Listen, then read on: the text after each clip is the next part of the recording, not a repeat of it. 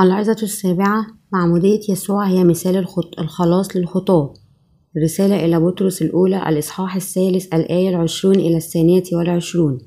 الذي فيه خلص قليلون أي ثماني أنفس بالماء. الذي مثاله يخلصنا نحن الآن أي المعمودية. لا إزالة وسخ الجسد بل سؤال ضمير صالح عن الله بقيامة يسوع المسيح. الذي هو في يمين الله إذ قد مضى إلى السماء وملائكة وسلاطين وقوات مخضعة له.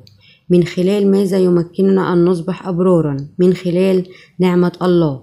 لقد عرفنا الله بالفعل حتى قبل أن نولد في هذه الأرض وعرف أننا سنولد خطاة وأنقذنا جميعا نحن المؤمنين من خلال معموديته التي أزالت كل خطايا العالم. فخلص كل المؤمنين وجعلهم شعبه. كل هذا كان نتيجة لنعمة الله كما هو مكتوب في المزامير المزمور الثامن الآية الرابعة. فمن هو الإنسان حتى تذكره وابن آدم حتى تفتقده. المخلصون الذين أنقذوا من كل الخطايا هم الذين ينالون محبته الخاصة فهم أولاده.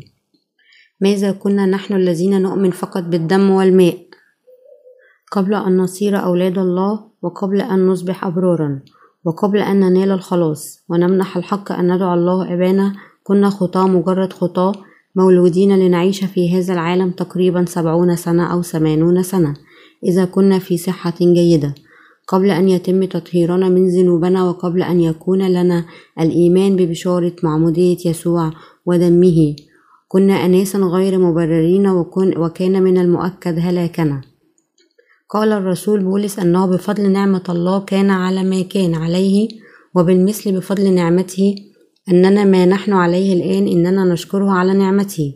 فقد جاء الخالق إلى هذا العالم وخلصنا جاعلا منا أولاده وشعبه. نشكره على نعمة الخلاص بالماء والروح. ما هو سبب أنه يسمح لنا أن نصبح أولاده الأبرار؟ هل لأن فينا جمال لينظر إلينا؟ هل لأننا نستحق ذلك؟ أم هو السبب؟ أم هل السبب أننا صالحين جدا؟ دعونا نتأمل الأمر ونقدم الشكر لمستحقيه. السبب هو أن الله خلقنا ليجعلنا شعبه ويسمح لنا بالعيش في ملكوت السماوات معه. لقد جعلنا الله شعبه لنحيا معه إلى الأبد. هذا هو السبب الوحيد أن الله باركنا بالحياة الأبدية فهو لم يجعلنا شعبه لأننا أجمل مظهرا أو أكثر استحقاقا أو لأننا نحيا حياة أفضل أكثر فضيلة من غيرنا من مخلوقاته. إن السبب الوحيد هو أنه يحبنا. الذي مثاله يخلصنا نحن الآن أي المعمودية رسالة بطرس الأولى الإصحاح الثالث الآية الحادية والعشرين. الذي فيه خلص قليلون أي ثماني أنفس بالماء الرسالة الأولى لبطرس الإصحاح الثالث الآية العشرون. فقط كل واحد من مدينة واثنين من عائلة تم خلاصهم. إذا هل نحن أفضل من الآخرين؟ أبدا لا. فنحن لسنا مميزين لهذه الدرجة. لكنه خلصنا على أي حال بإيماننا بالماء والروح. إنها معجزة بين المعجزات إننا أنقذنا كما أنها عطية غير مشروطة وبركة من الله أننا يمكن أن ندعوه أبانا وربنا. لا يمكننا أبدا إنكار هذا. كيف يمكننا أن ندعوه يا أبانا أو يا ربنا إذا كنا ما زلنا خطاة؟ عندما نفكر في حقيقة أننا خلصنا نعرف بأنه أحبنا بلا شروط. فهل نستطيع ألا نشكره؟ فقد كان ممكنا أن نولد ونموت بعد أن نحيا حياة بائسة وننتهي في جهنم لولا فضل حبه وبركاته. نشكر الله مرارا وتكرارا على بركاته والحب الذي جعلنا مستحقين أن نكون أولاده في نظره. الخلاص الثمين المعطي لنا خلال معمودية يسوع. لماذا هلك الناس في عصر نوح؟ لأنهم لم يؤمنوا بالماء. معمودية يسوع. الذي مثاله يخلصنا نحن الآن أي المعمودية مكتوب في رسالة بطرس الأولى أنه فقط ثمانية نفوس خلصت بالماء. كما عدد الناس في عصر نوح لا يوجد أي وسيلة نتعرف بها على عدد الناس في ذلك الوقت. لكن لنفترض أنه كان هناك حوالي المليون شخص ثمانية فقط في عائلة نوح من بين مليون نسمة تم إنقاذهم. ستكون النسبة نفسها تقريبا اليوم يقولون بأنه يوجد أكثر من ستة بلايين نسمة على الأرض الآن. فما عدد الناس الذين تطهروا من خطاياهم بين الذين يؤمنون بيسوع اليوم؟ إذا ألقينا نظرة فقط على مدينة واحدة سنجد القليل جدا منهم. في مدينتي التي عددها سكانها حوالي مائتين وخمسون ألف نسمة ما عدد الذين خلصوا من ذنوبهم ربما مائتين إذا ماذا تكون النسبة؟ هذا يعني أنه أقل من شخص واحد بين كل ألف نالوا نعمة الخلاص. يقدر بأنه يوجد حوالي اثنا عشر مليون مسيحي في كوريا بما فيهم الكاثوليك. من بينهم عدد كم عدد الذين ولدوا من جديد من الماء والروح؟ علينا أن نبقى في أذهاننا أن ثمانية فقط تم إنقاذهم من بين من كانوا على الأرض في عصر نوح. يجب أن نعرف ونؤمن بأن يسوع طهر خطايا جميع الذين يؤمنون بمعموديته التي من خلالها أزال جميع الخطايا. ليس هناك كثيرون ممن يؤمنون بأن يسوع خلصنا جميعا بمعموديته ودمه على الصليب. انظروا إلى الصورة المشهورة قيامة المسيح. كم عدد القيام من الأموات ظاهرين في تلك الصورة؟ يمكنكم مشاهدتهم نازلين من قلعة أورشليم نحو يسوع وذراعيه مفتوحتين كليا لهم. خمنوا معي كم منهم لاهوتيون أو خدام. يوجد هذه الأيام عدد كبير من اللاهوتيين في العالم لكننا نجد عددا قليلا ممن يعرفون ويؤمنون بمعمودية يسوع كالحق المحوري في الخلاص. يقول بعض اللاهوتيين أن السبب في معمودية يسوع كان التواضع ويقول البعض الآخر أنه اعتمد حتى يشبهنا أكثر نحن البشر. لكن مكتوب في الكتاب المقدس أن الرسل بما فيهم بطرس ويوحنا شهدوا لمعمودية يسوع كوسيلة نقل خطايانا إليه ونحن نؤمن بذلك أيضا. يشهد الرسل في الكتاب المقدس أن خطايانا نقلت إلى يسوع بمعموديته يا لها من شهادة مدهشة. حقا نعمة الله أننا نستطيع الخلاص بمجرد الإيمان بها. لا يوجد ربما فيما يخص معمودية الخلاص. من ينال محبة الله اللامحدودة الشخص الذي يؤمن بمعمودية يسوع ودمه. نميل إلى الاعتقاد بأن مجرد الإيمان بيسوع سيخلصنا. كل الطوائف مقتنعة بالخلاص في معتقداتها غير أن الكثير من الناس يعتقدون أن معمودية يسوع مجرد واحدة من عقائد المجتمع المسيحي لكن هذا ليس صحيحا.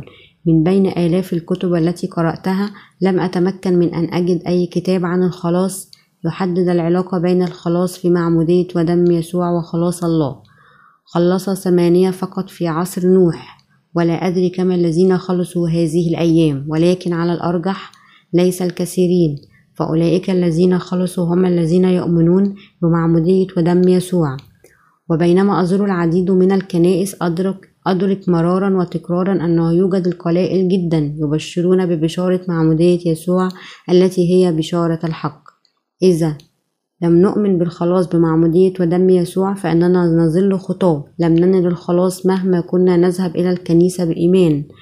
يمكننا الذهاب إلى الكنيسة بإيمان كل حياتنا ولكن إذا ما زال لدينا خطية في قلوبنا فإننا ما زلنا خطاة. فلو حضرنا الكنيسة خمسين عاما لكن ما زال لدينا خطية في قلوبنا فلا يكون إيمان الخمسين سنة سوى, خد... سوى خداع. من الأفضل بكثير أن يكون لنا يوم واحد من الإيمان الصحيح من بين الذين يؤمنون بيسوع. فقط الذين يؤمنون الإيمان بشكل صحيح بمعنى معمودية يسوع ودمه سيدخلون ملكوت السماوات. الإيمان الصحيح هو الإيمان بحقيقة أن ابن الله نزل إلى هذا العالم واعتمد ليزيل كل خطايا العالم. إنه هذا هو الإيمان الذي يقودنا إلى ملكوت السماوات. كذلك توجب علينا الإيمان بأن يسوع سال دمه على الصليب من أجلكم ومن أجلي. كذلك تعين علينا أن نعرف هذا من أجل أن نشكره ونمجده. ماذا نكون أبناء البشر الذين خلصنا بمعمودية يسوع ودمه؟ كيف لا نشكره؟ اعتمد يسوع في نهر الأردن عندما بلغ الثلاثين من عمره لكي يخلصنا. بذلك أزال كل خطايانا وقبل الحكم نيابة عنا على الصليب. عندما نتفكر في ذلك لا نستطيع سوى شكره بتواضع. علينا أن نعرف بأن كل ما فعله يسوع في هذا العالم كان من أجل خلاصنا. أولا نزل إلى هذا العالم واعتمد وصلب على الصليب وقام من الأموات في اليوم الثالث.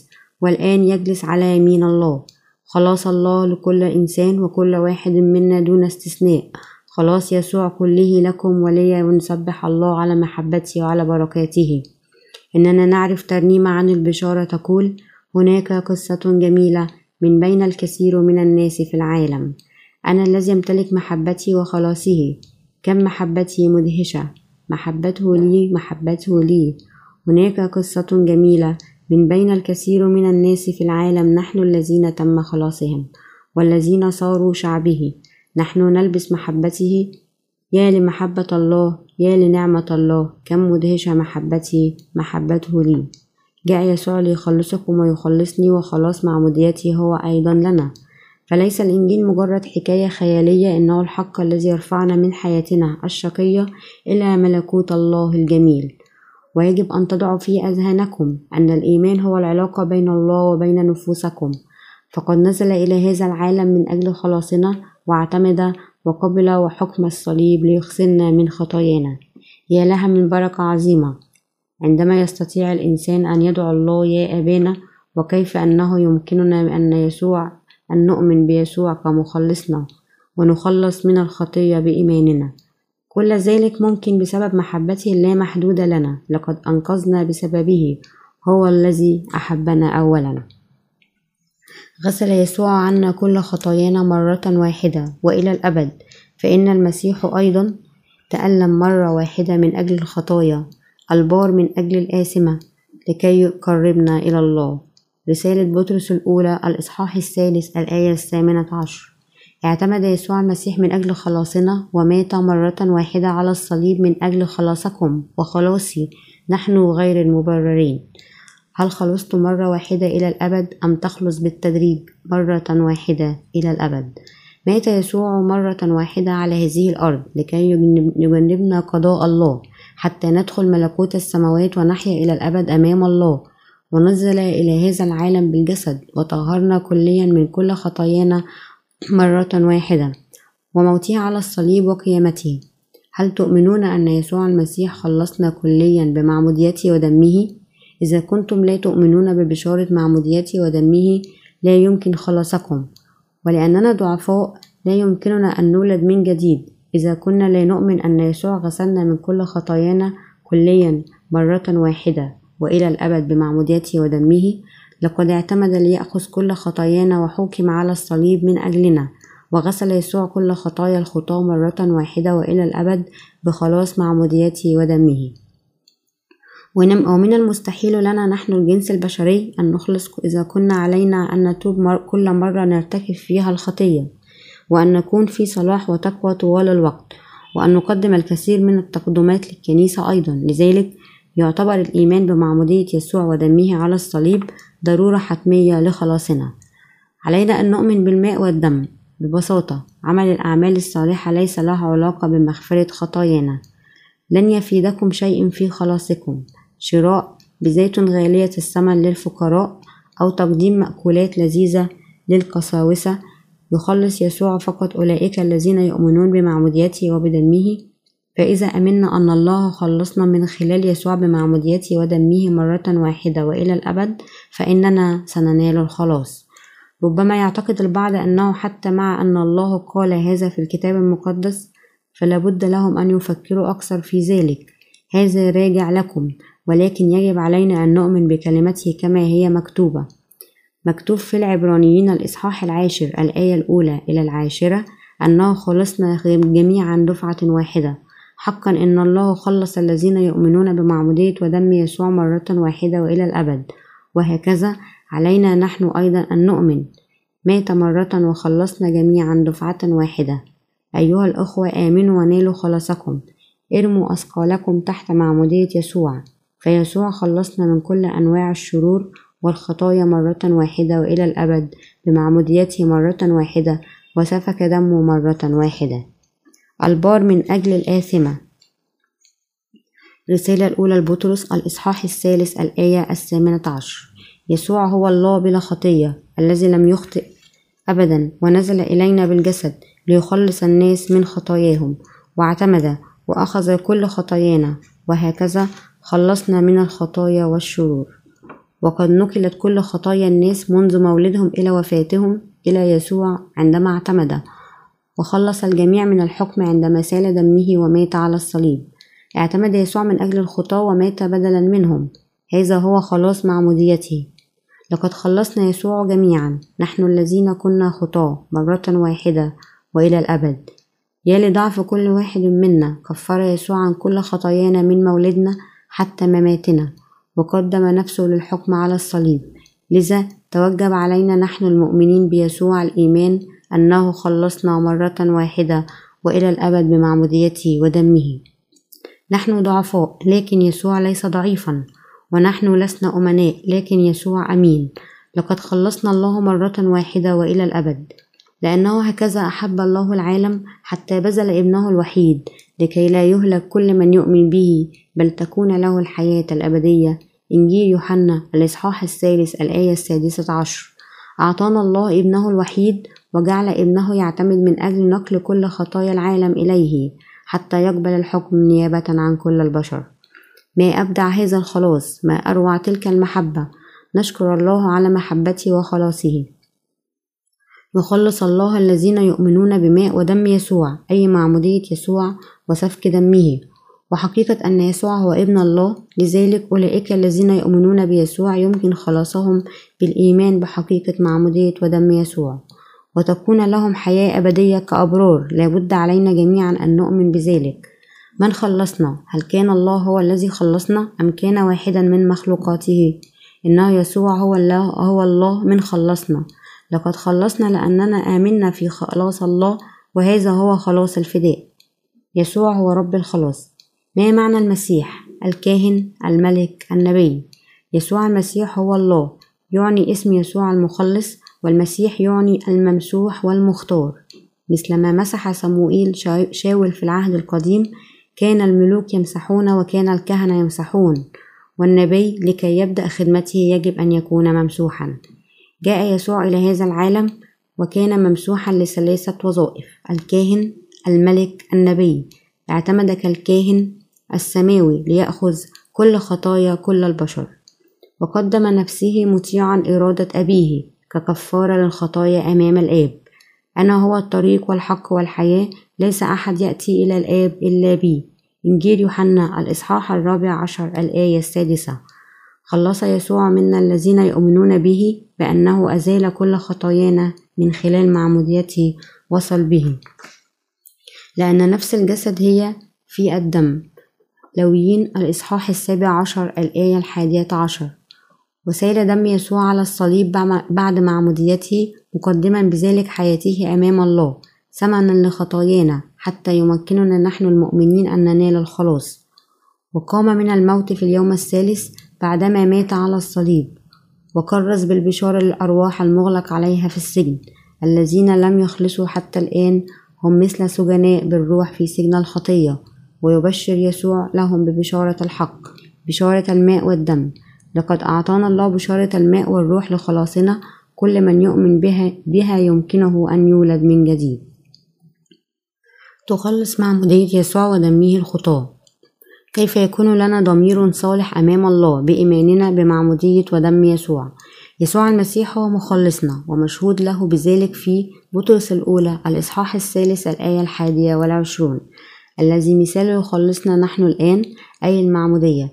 لا إزالة وسخ الجسد بل سؤال ضمير صالح عن الله إن ماء معمودية يسوع ضرورة حتمية لخلاص الخطاة طهر يسوع جميع ذنوب الخطاة بأخذها على عاتقه بمعموديته. هل تؤمنون بمعمودية يسوع؟ هل تؤمنون أن قلوبنا تطهرت من كل الخطايا من خلال معمودية يسوع؟ تطهرت قلوبنا من كل الخطايا لكن ما زالت أجسادنا ترتكب الخطايا ليس معنى أن يكون الإنسان مولودا من جديد ألا يذنب مرة ثانية نحن المولودين من جديد نرتكب الخطايا أيضا لكن قلوبنا تظل خالية من الخطية بسبب إيماننا بمعموديته وهكذا تصرح الفقرة السابقة لا إزالة وسخ الجسد بل سؤال ضمير صالح عن الله الرسالة الأولى لبطرس الإصحاح الثالث الآية الحادية والعشرون. وطالما أن يسوع أزال خطاياه وبما أن الله تقبل الحكم لأجلي فكيف لي ألا الإيمان به؟ عالما أن يسوع الذي هو الله خلصني من خلال معموديته ودمه كيف لي ألا أؤمن به؟ نحن خلصنا أمام الله والآن ضمائرنا طاهرة. ولا نستطيع بعد الآن القول أمام الله أن يسوع لم يطهرنا من كل خطايانا. كما لا نستطيع أن نقول أن الله لا يحبنا بعد الولادة الثانية. يصبح ضميرنا حساسا جدا للخطية ويقول لنا كلمة ارتكبنا الخطية فإذا تضايق ضميرنا ولو قليلا فلا يمكن لنا أن نكون أحرارا تماما من الخطية. بدون أن نذكر أنفسنا بقوة معمودية يسوع. فهي الطريقة الوحيدة التي يمكننا بها أن ننال ضميرا صالحا. عندما تقلقلنا ضمائرنا فمعنى ذلك أن هناك شيئا ما خطأ. يزيل ماء معمودية يسوع كل أوساخ الخطية. أزال يسوع كل خطايانا بمعموديته وطهرنا حتى ضمائرنا. عندما نؤمن حقا بهذا فإن ضمائرنا يمكن أن تتطهر حقا. فكيف يمكن لضمائرنا أن تتطهر بالإيمان بمعمودية يسوع ودمه؟ كل شخص له ضمير شرير وقذر منذ ولادته ولكن إذا أمنا أن جميع خطايانا نقلت إلى يسوع فيمكننا إزالة تلك الأوساخ.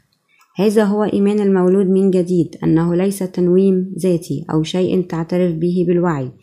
هل ضميرك طاهر؟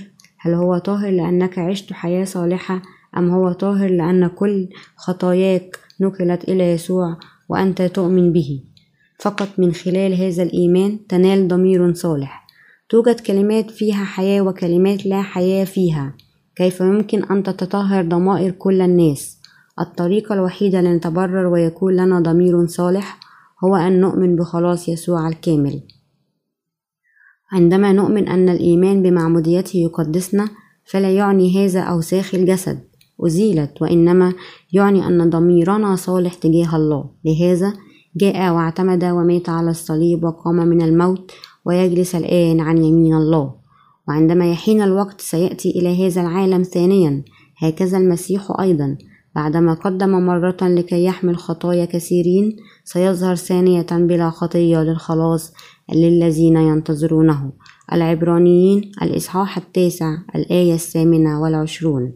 إننا نؤمن بأنه سيأتي ليأخذنا نحن الذين ننتظره باشتياق نحن الذين بدون خطية بالإيمان بمعموديته ودمه. تجربة إكلينيكية للإيمان. هل يمكن لنا أن نخلص دون معمودية يسوع؟ أبدا. أجرينا تجربة إكلينيكية غير مخطط لها في كنيستنا بمنطقة ديجون. أخبر القس بارك من كنيسة ديجون. زوج وزوجته بأنه لا توجد خطية في العالم دون أن يذكر معنى معمودية يسوع. اعتاد الزوج على النوم خلال العظات عندما كان يحضر الكنائس الأخرى لأن جميع القساوسة بشروا بالإنجيل مع حذفهم للخلاص عن طريق معمودية يسوع مرغمينه بذلك أن يقدم التوبة كل يوم. لكن هناك في كنيسة ديجون استمع إلى العظة بعينين مفتوحين لأنه قيل له أن جميع خطاياه نقلت إلى يسوع وهذا جعل من السهل على زوجته أن تقنعه بالحضور إلى الكنيسة معهم. في أحد الأيام كان جالسا في الكنيسة وسمع رمي الإصحاح الثامن الآية الأولى إذ لا شيء من الدينونة الآن على الذين هم في المسيح يسوع. عندئذ فكر فورا. آه إذ آمن الشخص بيسوع فإنه بدون خطية وبما أنني أؤمن بيسوع فأنا أيضا بدون خطية. لذلك اتصل هاتفيا بشقيق زوجته وعددا من أصدقائه واحدا بعد الآخر وقال هل لديك خطية في قلبك؟ إذا إيمانك ليس صحيحا. في هذا الوقت احتار القس بارك الزوج لم يعرف عن معمودية يسوع لكنه أصر أنه الآن خالي من الخطايا. بعد ذلك بدأ يصبح لدي الزوجين بعض المشاكل. كانت الزوجة أكثر تدينا لكن ما زالت الخطية في قلبها. بينما قال زوجها أنه كان بلا خطية. ذهب الزوج إلى الكنيسة مرات قليلة فقط لكنه قال أنه بالفعل كان بلا خطية. كانت الزوجة متأكدة أن كل منهما ما زال في قلبه خطية. بدا يتجادلان حول ذلك. أصر الزوج على أنه بدون خطية لأنه لا شيء من الدينونة على الذين هم في المسيح يسوع. وجادلت الزوجة أنه ما زال في قلبها خطية. ثم في أحد الأيام كانت الزوجة غاضبة جدا حول المسألة. وقررت الذهاب وسؤال القس بارك ما قصده بقوله أن جميع الخطايا نقلت إلى يسوع.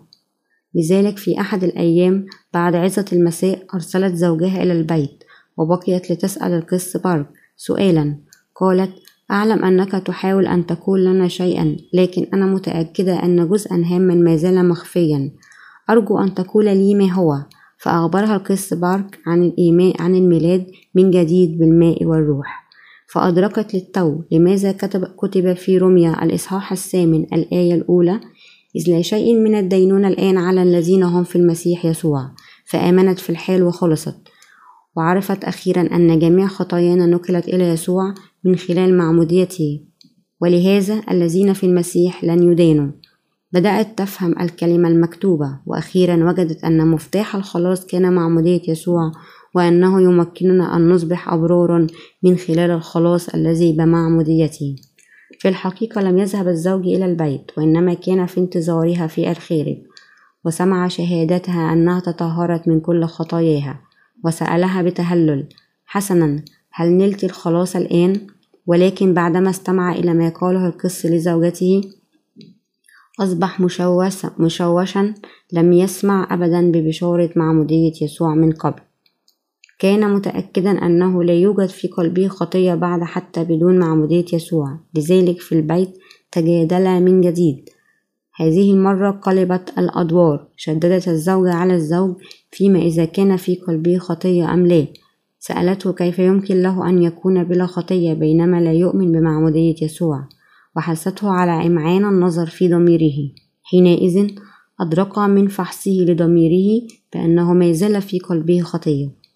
لذلك جاء إلى القس بارك واعترف له أن في قلبه خطية وسأل عندما يضعون أيديهم على رأس كبش الفداء هل كان ذلك قبل أن يقتلوه أم بعدما يقتلوه؟